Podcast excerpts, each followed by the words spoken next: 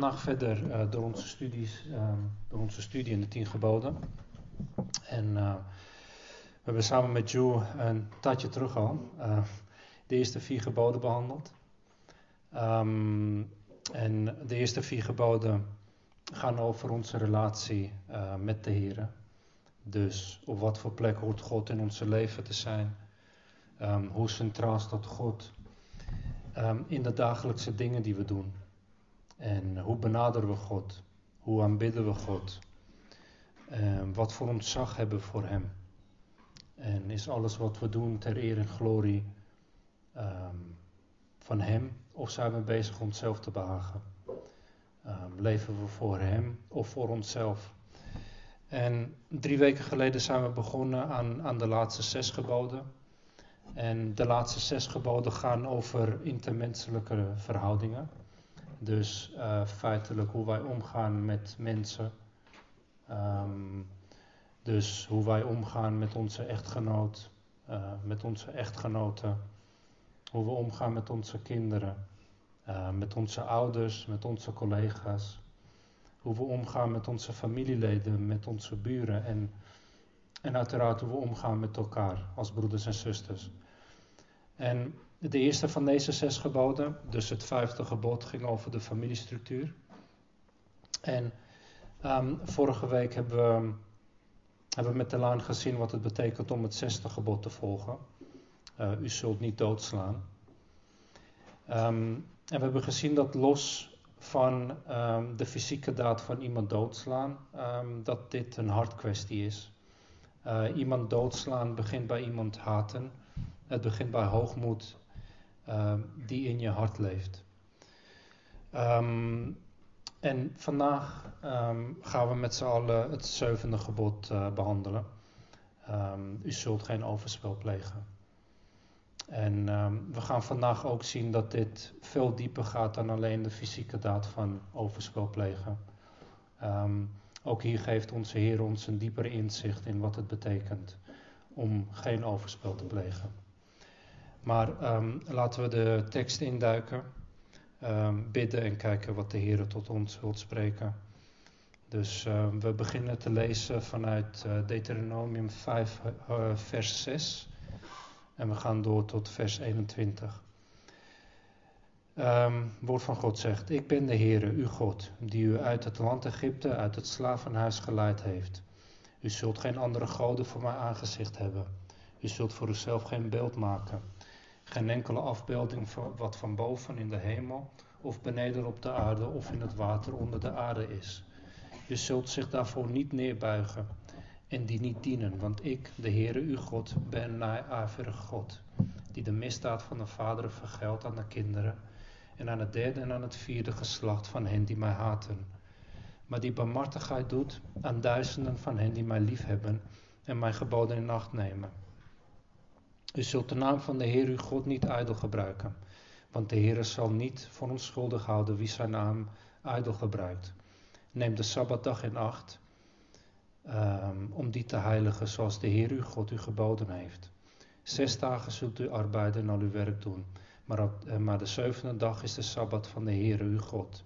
Dan zult u geen enkel werk doen, u, nog uw zoon, nog uw dochter, nog uw dienaar, nog uw dienares, nog uw rund, nog uw ezel, nog enig vee van u, nog uw vreemdeling die binnen uw poorten is, opdat uw dienaar en uw dienares rusten zoals u.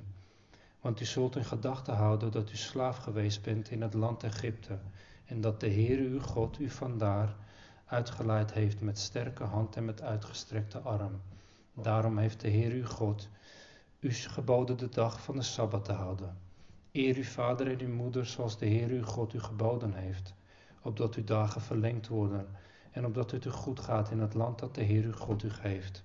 U zult niet doodslaan en u zult geen overspel plegen en u zult niet stelen. En u zult geen vals getuigenis spreken tegen uw naaste. En u zult niet begeren de vrouw van uw naasten. U zult uw zinnen niet zetten op het huis van uw naaste, noch op zijn akker, noch op zijn dienaar, noch op zijn dienares, noch op zijn rund, noch op zijn ezel, noch op iets wat van uw naaste is. Laten we bidden. Heer, ik, uh, Heer, ik dank u voor uw woord, Heer. Ik dank u dat uw woord scherp is, Heer, en dat het diep tot ons werkt, Heer, om, uh, om een verandering uh, voor te brengen, Heer, in onze hart.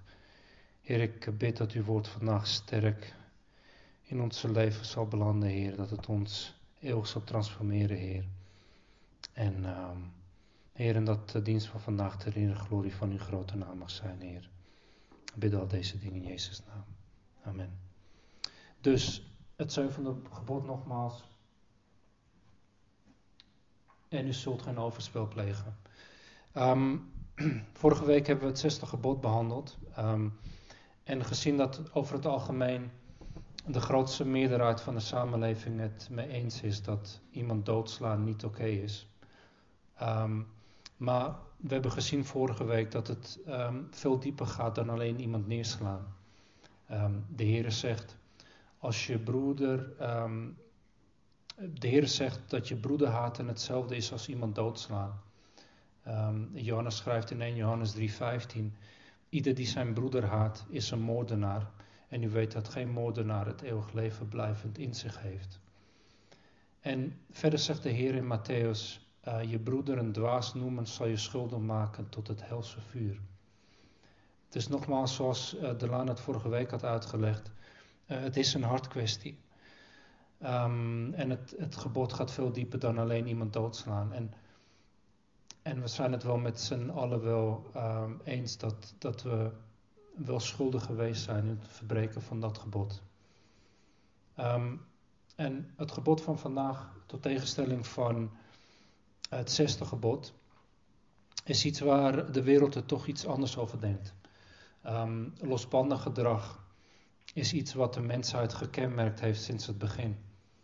Um, en uiteraard um, moord, bedrog, leugens ook, maar Seksuele immoraliteit zoals de wereld denkt, is, is iets wat niemand kwaad doet. Het is onschuldig, nogmaals zoals de wereld denkt. En we gaan vandaag hopelijk zien dat voor een heilige God dit zeker niet onschuldig is. Um, als we onze Bijbel lezen, zien we dat de losbandigheid iets is wat vaak voorkomt. Um, ook bij goddelijke mannen. Het grootste voorbeeld die we kunnen benoemen is wat David met um, Bathsheba en haar man heeft gedaan. David had hoofdspel gepleegd met Bathsheba. En om zijn zonde te verbergen heeft hij de man van Bathsheba laten doden op het slagveld. En deze voorbeeld is, is, uh, is rijk, want, alleen, niet alleen is de zonde van David groot, maar en de consequenties van de zonde, maar we zien ook de vergeven gezindheid van God. We zien, we zien hoe groot zijn barmhartigheid is. En we zien hoe groot zijn genade is. Dus losbandigheid is sinds, uh, sinds de val aanwezig geweest in de wereld en ook in overvloed. En um, goed, ik noem hier nu losbandigheid, want um, het is losbandig gedrag dat leidt tot overspel. Dus die twee gaan hand in hand. Um, dus de wereld ziet dit gebod anders. Volgens de wereld is het onschuldig. Het kan niemand kwaad doen. Dus overspel is er altijd al geweest. Solomon schrijft in 1 Prediker 9 uh, vanaf vers, uh, sorry, 1 Prediker, prediker 1 uh, vers 9. Wat er geweest is, dat zal er weer zijn. Wat er plaatsvindt, dat zal er weer plaatsvinden. Er is niks nieuws onder de zon. Is er iets waarvan men kan zeggen: kijk eens, dat is nieuw? In de eeuwen die voor ons geweest zijn, is het er al geweest. Dus er is niks nieuws onder de zon. Um, overspel, losbandigheid hebben we altijd al gehad. Um, maar wat nu wel anders um, is, is het feit dat het openlijk is. dat men dit niet, niet meer als een uh, abnormaal gedrag ziet, maar meer en meer als een norm. Het is een openlijk geheim als het ware aan het worden. En ik weet niet of het jullie opgevallen is, maar ik heb, ik heb vaak bij bushaltes reclames gezien. Landelijke reclames. Um, en van datingsites die specifiek over tweede liefde gaan. het, het zijn uh, sites uh, voor getrouwde mannen en getrouwde vrouwen die, die buiten hun huwelijk een relatie willen. En we zien het gewoon overal. Het, is, het, het zijn landelijke reclames. Um, en dit soort bedrijven die bestaan, dit soort bedrijven doen het goed. Er is interesse hierin. Um, en kijk, um, het moet voor ons geen verrassing zijn dat dit in de wereld gebeurt. Um, de wereld is vervreemd van God. De wereld wil niks met Hem te maken. menselijk gezien zijn we bezig om onszelf te behagen, onze eigen verlangens uh, aan het bevredigen. Menselijk gezien begrijpen we niet en willen we ook niet begrijpen hoe heilig God is. En willen we zeker niet een heilige leven leiden. Um, en ik zeg dit menselijk gezien, want voor diegenen van ons die wedergeboren zijn, het moet anders zijn.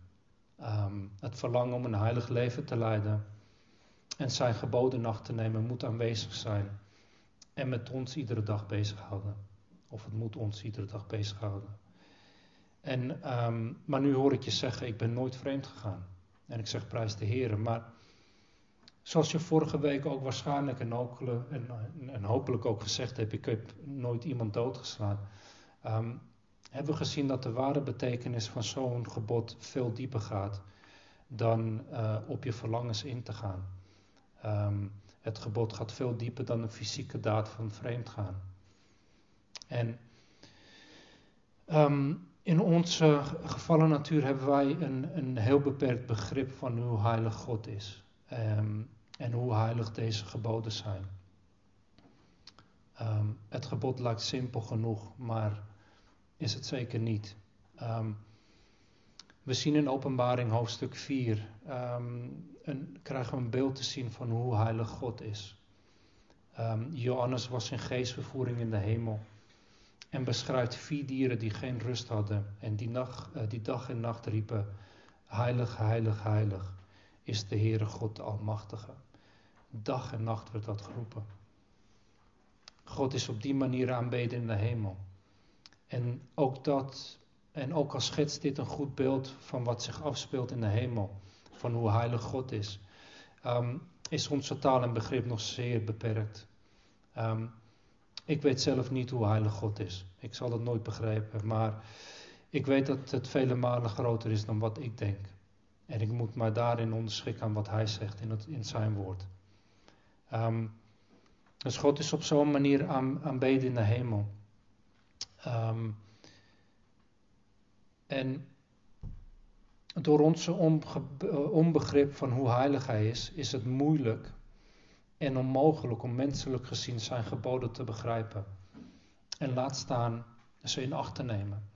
Het is moeilijk en onmogelijk om de echte essentie van zo'n gebod te begrijpen.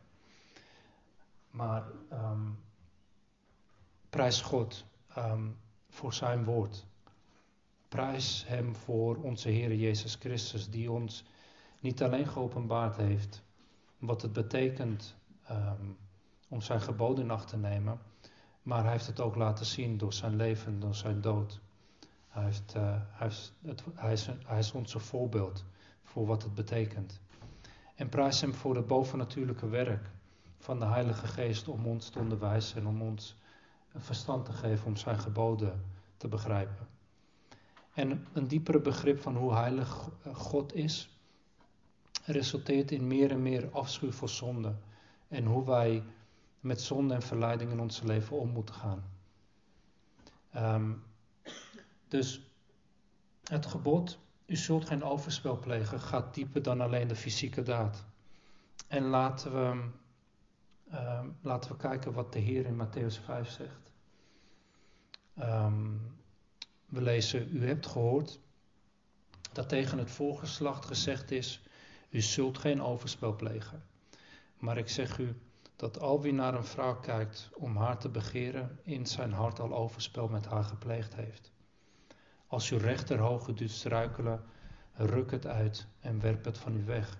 Het is beter voor u dat een van uw lichaamsdelen te gronden gaat en niet heel uw lichaam in de hel geworpen wordt.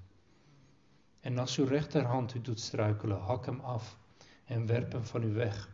Want het is beter voor u dat een van uw lichaamsdelen te gronden gaat en niet heel uw lichaam in de heel geworpen wordt.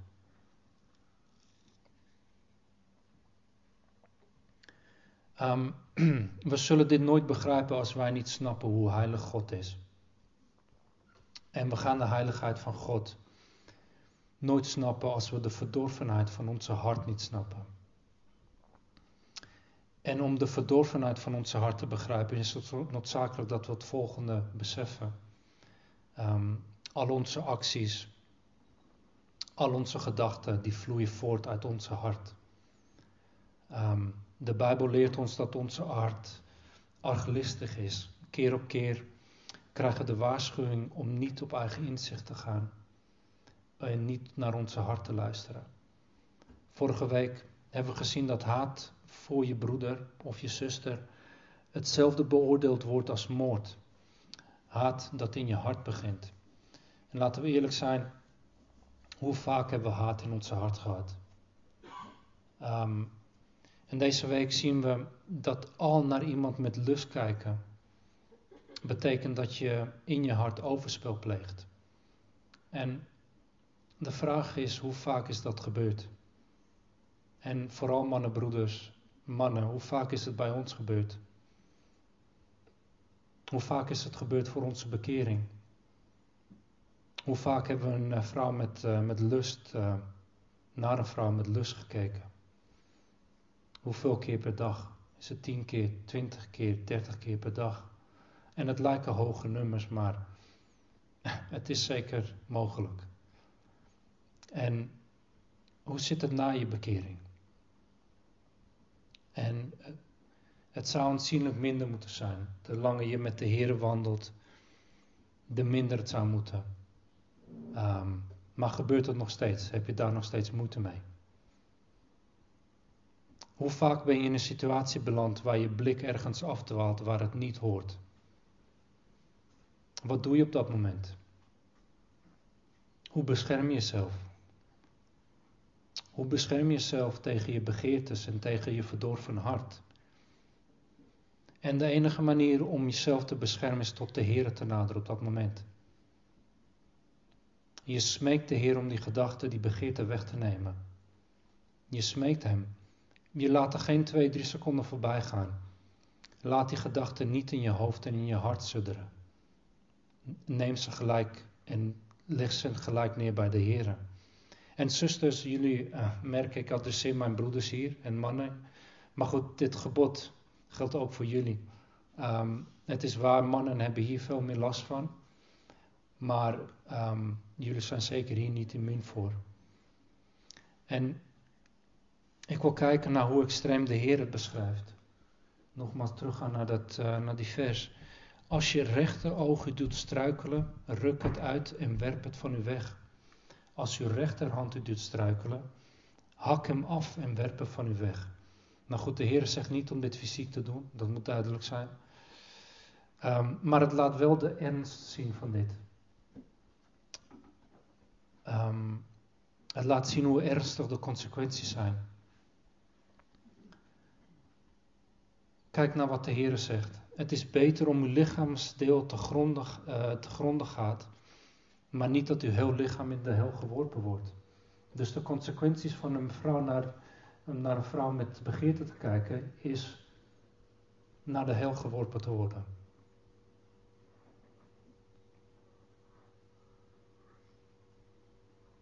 En dit moet ons doen beven. Dit moet ons doen beven, want hoe vaak hebben wij gestruikeld? Hoe vaak hebben wij overspel in onze hart gepleegd? En wellicht ook fysiek. En wat doe je als je keer op keer in een situatie belandt waar je oog ergens anders gaat? kies je ervoor om dat plek, om die situatie te vermijden? Of blijf je erop terugkomen? Blijf je terugkomen naar dat plek waar je weet dat je zondigt? Um, en volgens mij is de Heer hier heel duidelijk in wat we horen te doen. En, en dan hoor ik je zeggen, ja, maar dan kan ik nergens naartoe gaan.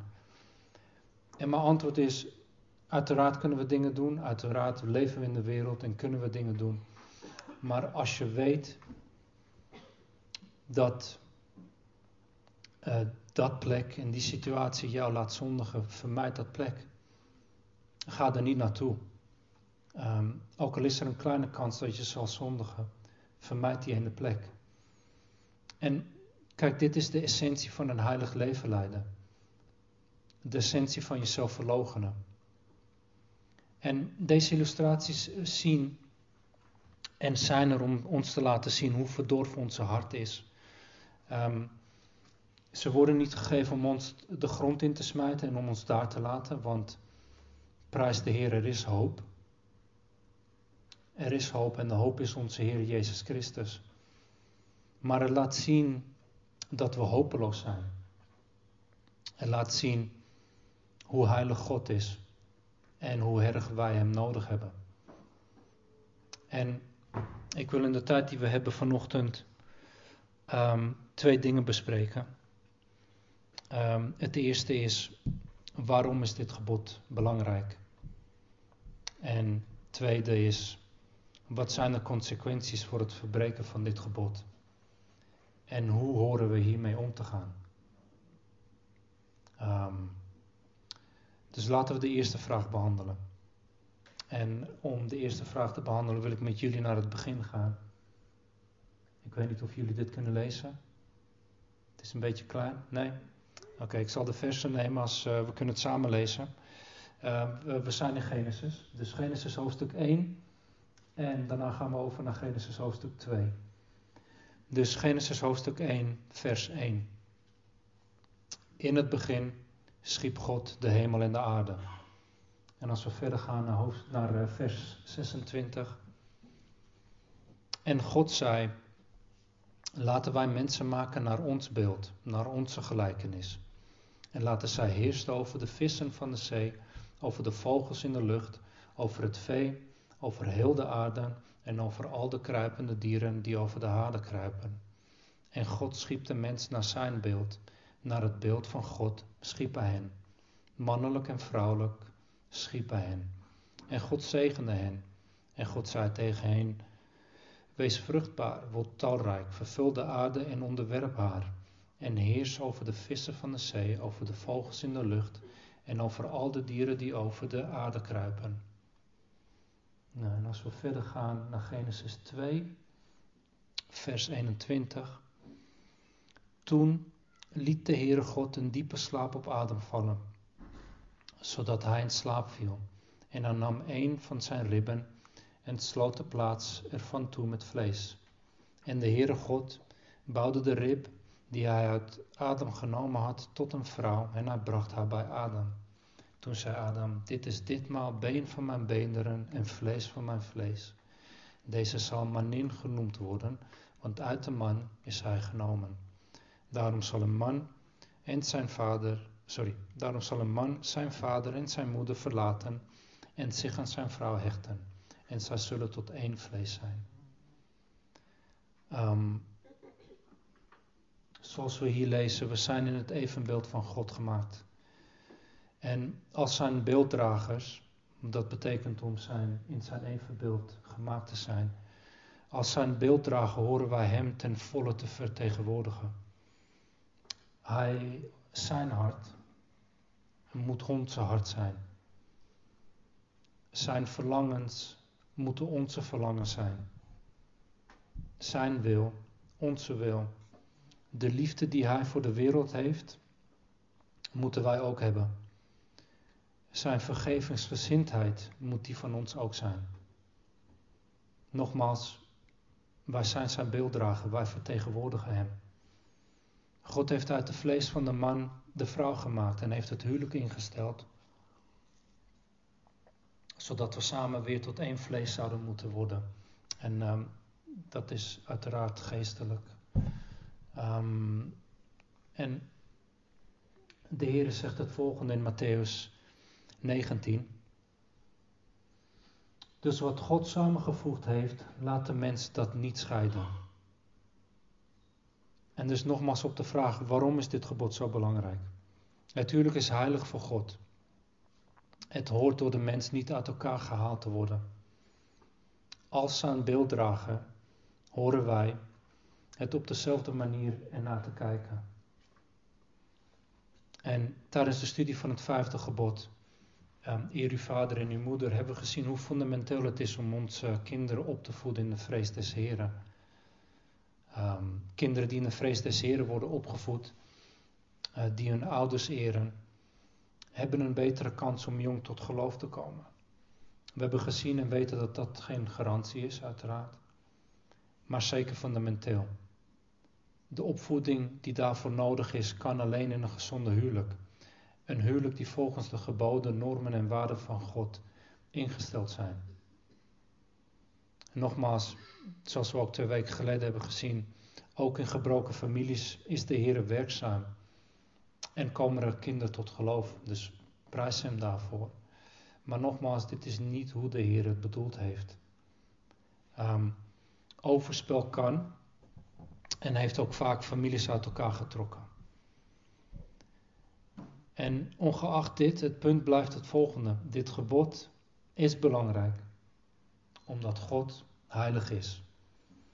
En daardoor is de huwelijk die God heeft ingesteld ook heilig. En nogmaals, teruggaand op deze vers, wat God samengevoegd heeft, laat de mens dat niet scheiden. Um, en we gaan deze vers vaker vandaag tegenkomen, want um, het is belangrijk. En per definitie dus alles wat een huwelijk kapot kan maken, is niet heilig. Um, overspel is zonde omdat degene die overspel pleegt ervoor kiest om het huwelijksband te verbreken, die God heeft ingesteld en die door de mens niet gescheiden hoort te worden. En um, er wordt veel gesproken en gezegd over wat de Heer zegt in Matthäus 19. Um, en wat er gezegd wordt over de consequenties van overspel. En hiermee gaan we de tweede vraag proberen te beantwoorden. Wat zijn de consequenties van het verbreken van dit gebod? En hoe, en hoe horen wij hiermee om te gaan? Dus laten we Matthäus 19 uh, doorlezen vanaf vers 3. En de fariseeën kwamen naar hem toe om hem te verzoeken en zeiden tegen hem, is het een man toegestaan zijn vrouw om allerlei redenen te verstoten? En hij antwoordde en zei tegen hen, hebt u niet gelezen dat hij, die de mens gemaakt heeft, hen van het begin af mannelijk en vrouwelijk gemaakt heeft en gezegd heeft, Daarom zal een man zijn vader en moeder verlaten en zich aan zijn vrouw hechten. En die twee zullen tot één vlees zijn, zodat zij niet meer twee zijn, maar één vlees. Dus wat God samengevoegd heeft, laat de mens dat niet scheiden. Zij zeiden tegen hem: Waarom heeft Mozes dan geboden een echtscheidingsbrief te geven om haar te verstoten? Um, hij zei tegen hen: Mozes heeft vanwege de hardheid van uw hart u toegestaan uw vrouw te verstoten. Maar van het begin af is het zo niet geweest. Maar ik zeg u, wie zijn vrouw verstoot anders dan om hoererij en met een ander trouwt, die pleegt overspel. En wie met de verstotene trouwt, pleegt ook overspel. Zijn discipelen zeiden tegen hem, als de zaak van een man met de vrouw zo voorstaat, is het beter niet te trouwen.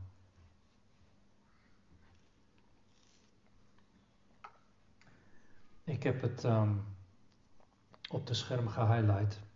Uh, maar ik wil het nogmaals hier belichten en, uh, en, jullie aandacht trekken naar deze twee zinnen. Dus wat God samengevoegd heeft, laat de mens dat niet scheiden. En ook, maar van het begin af is het zo niet geweest.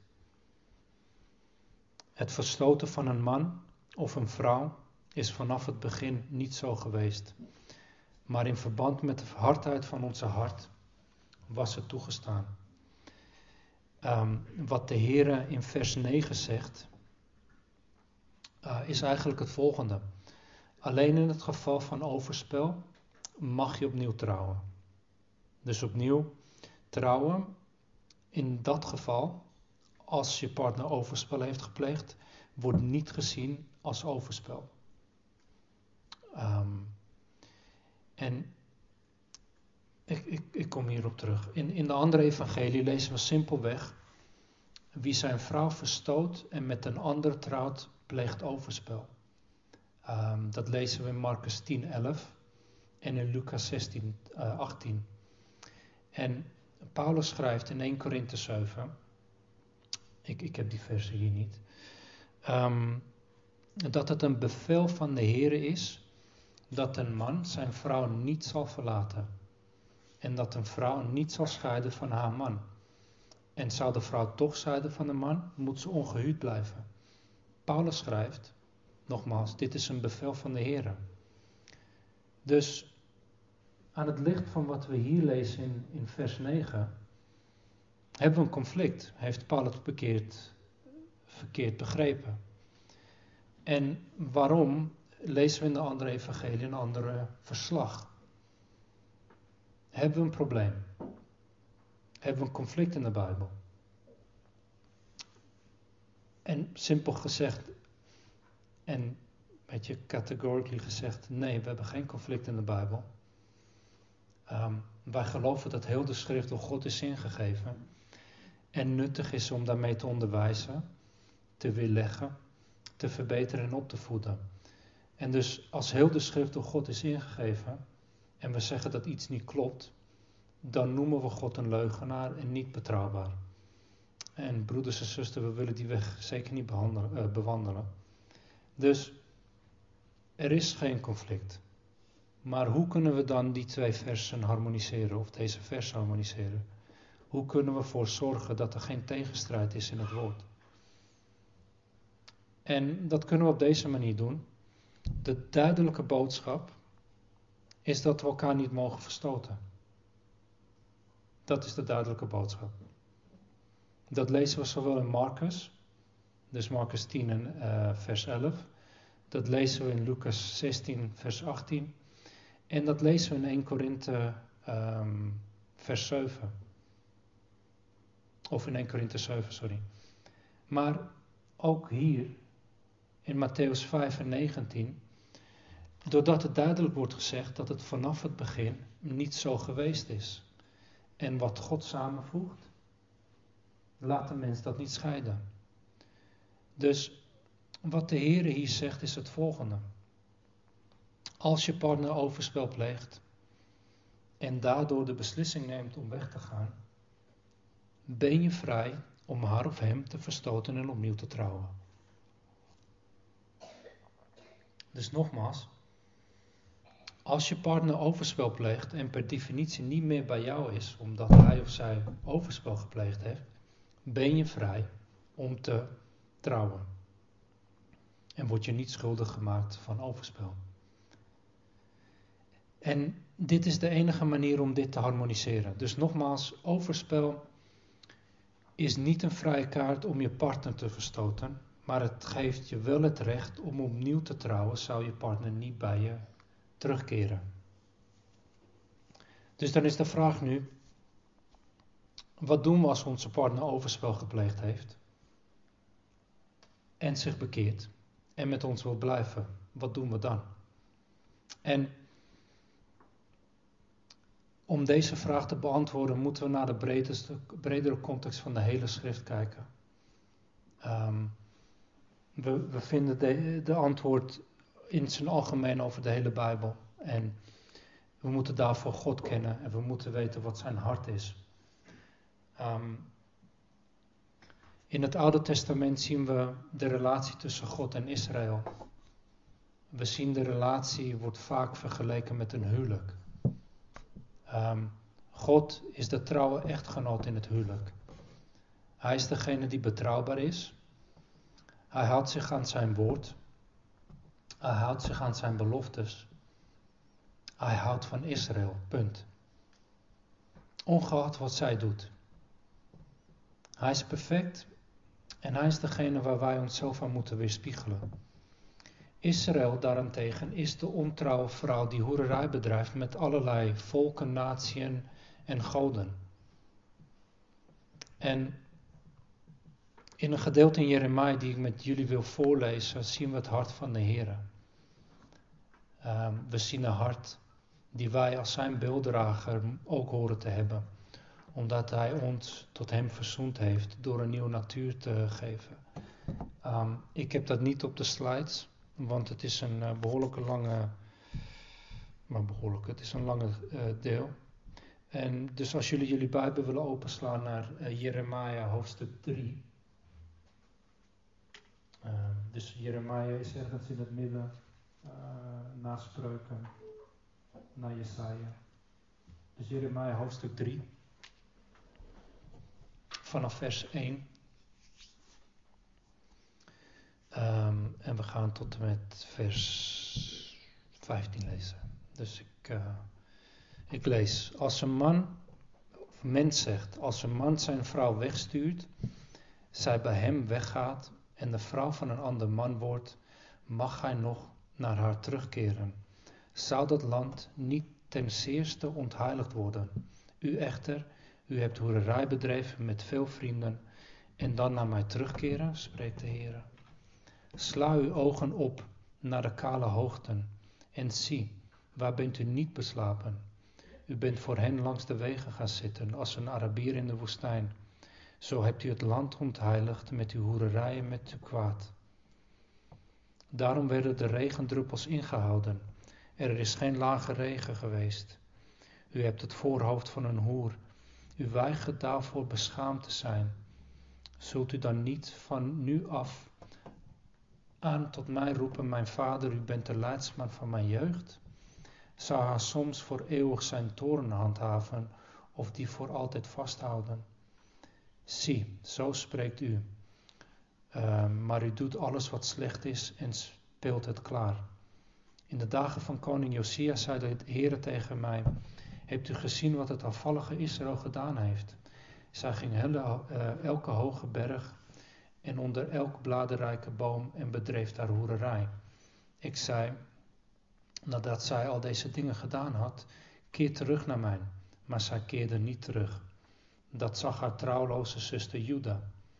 Maar ik zag, toen ik vanwege alles waarin het afvallige Israël overspel had gepleegd, haar weggestuurd had en haar een echtscheidingsbrief gegeven had, dat Juda, haar trouwloze zuster, niet bevreesd werd.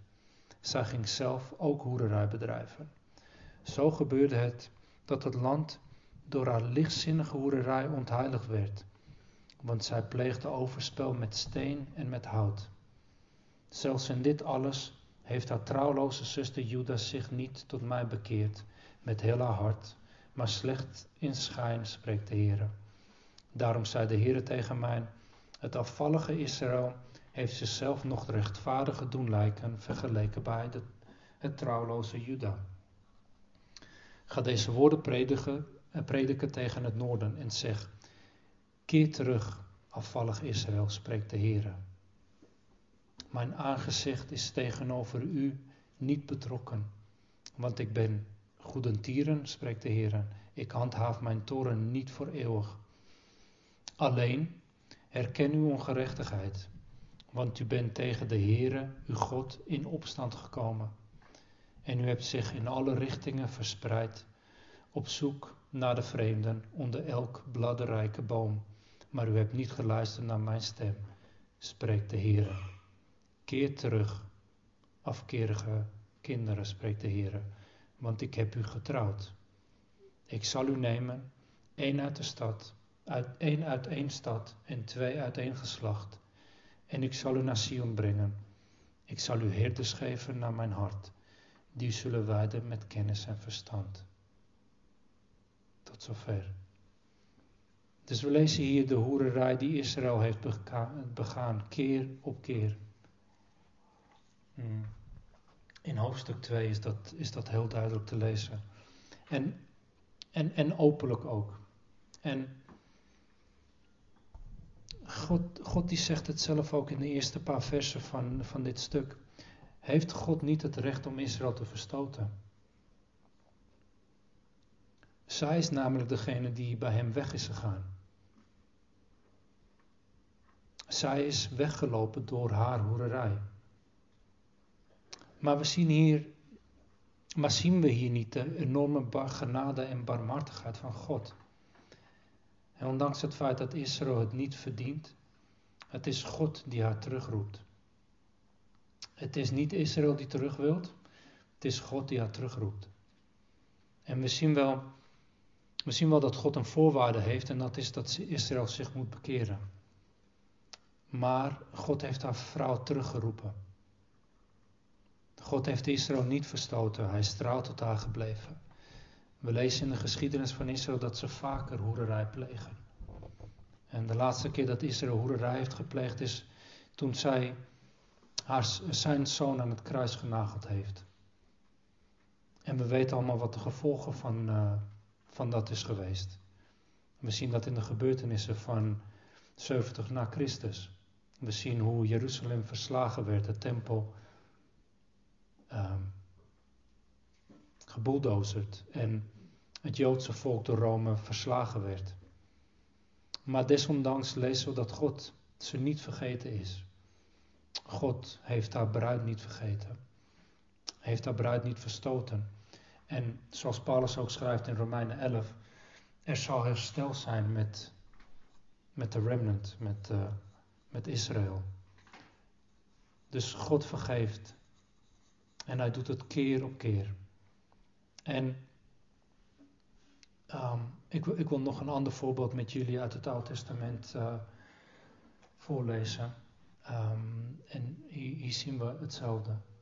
Um, we lezen dat in Hosea 1, uh, vers 2. Het begin van het spreken van de Heere door Hosea. De Heere zei tegen Hosea, ga, neem voor u een vrouw van de hoererijen en kinderen van de hoererijen, want het land wendt zich in schandelijke hoererij van de Heere af. Dus God gebiedt hier Hosea om een vrouw van de hoererij te nemen als, als voorbeeld van wat Israël met hem aan het doen is. En verder in Hosea hoofdstuk 3 lezen we het volgende. De Heere zei tegen mij, ga opnieuw, bemin een vrouw die bemind wordt door haar levensgezel, maar overspel pleegt. Zoals de Heere de Israëlieten bemint, hoewel zij zich wenden tot andere goden en houden van rozijnenkoeken.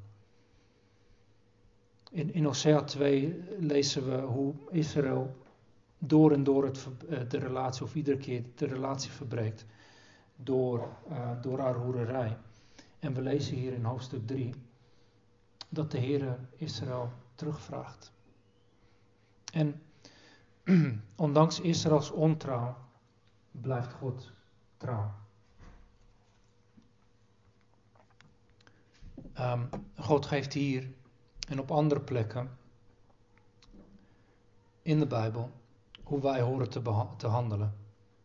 Um, God laat ons zien wat het betekent om heilig te zijn en wat het betekent om een heilig leven te leiden. En wat doen we hiermee? Volgen we zijn voorbeelden? Volgen we zijn geboden? Volgen we zijn eh, bepalingen? Of volgen we ons eigen hart?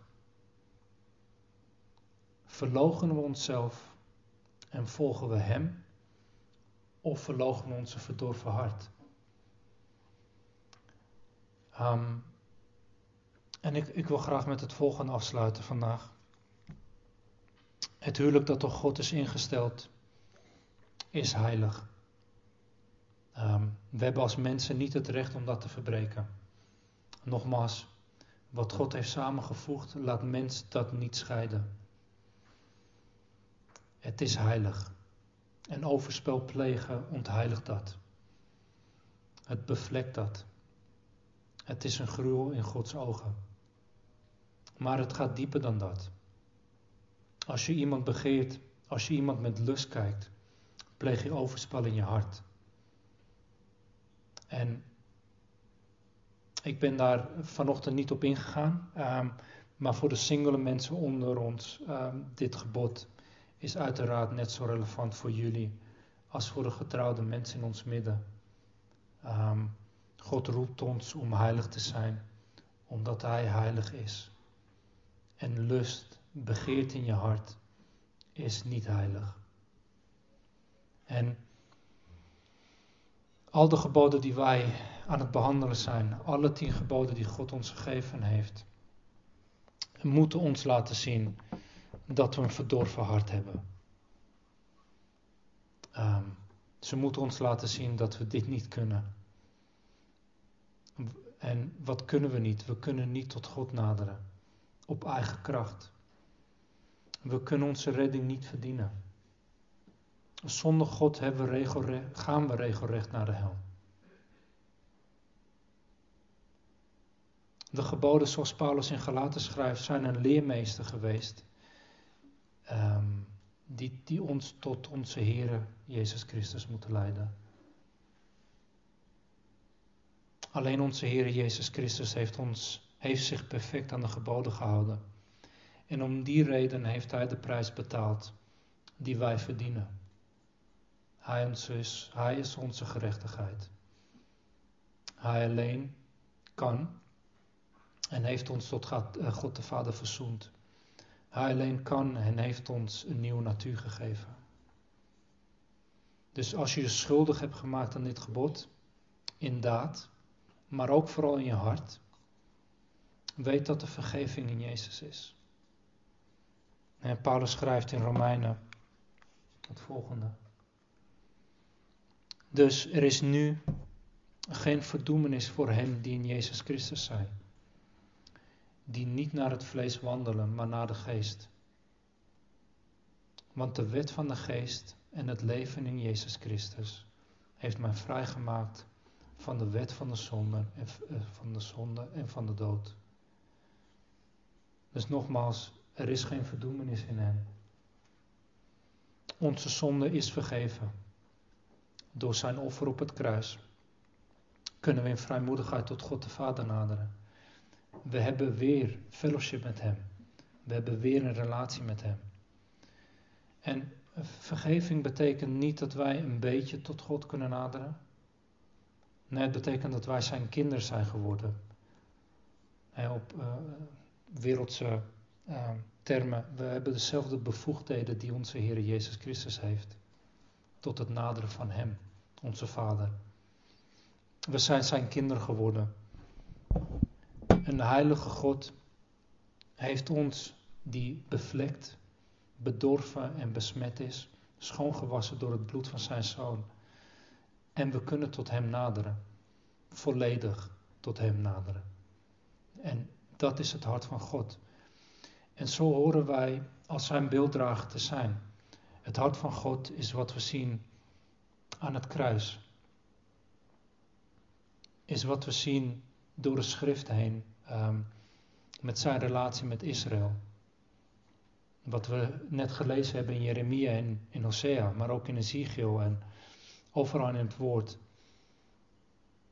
ondanks het feit dat Israël ontrouw is geweest, vergeeft God hun keer op keer en neemt ze hart terug. Dus hoe heilig zien wij het huwelijk? Strijden we met alle kracht die we hebben, met alle middelen die we van Hem hebben gekregen, om lust uit onze hart te verwijderen. Vermijden we die plekken waar we weten dat we zullen zondigen. Hoe actief zijn we hiermee bezig? En wat voor prioriteit heeft dit in ons leven? En laatste vraag, wat doen we hoe reageren we als onze partner ontrouw is geweest bij ons? Wat doen we dan? Laten we bidden.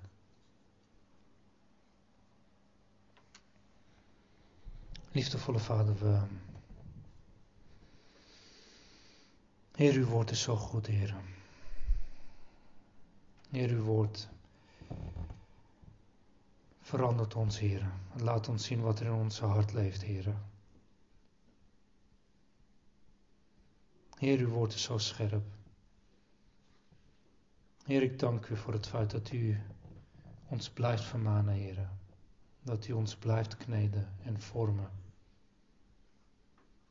Heer, ik dank u dat u met ons blijft en bij ons blijft, Heer dat u liefde aan ons toont door het feit dat u ons vermaant door uw woord, Heer, en dat u ons verandert, Heer, Dat u ons laat zien hoe, hoe wij een heilig leven moeten leiden en wat het betekent om een heilig leven te leiden, Heer. Heer, ik dank u voor het offer op het kruis. Ik dank u dat u perfect op aarde hebt geleefd, Heer. Heer, dat u de perfecte lamsoffer bent geweest. Heer, ik dank u daarvoor. Ik dank u dat u aan ons laat zien dat wij niet alleen kunnen. Dat wij u nodig hebben.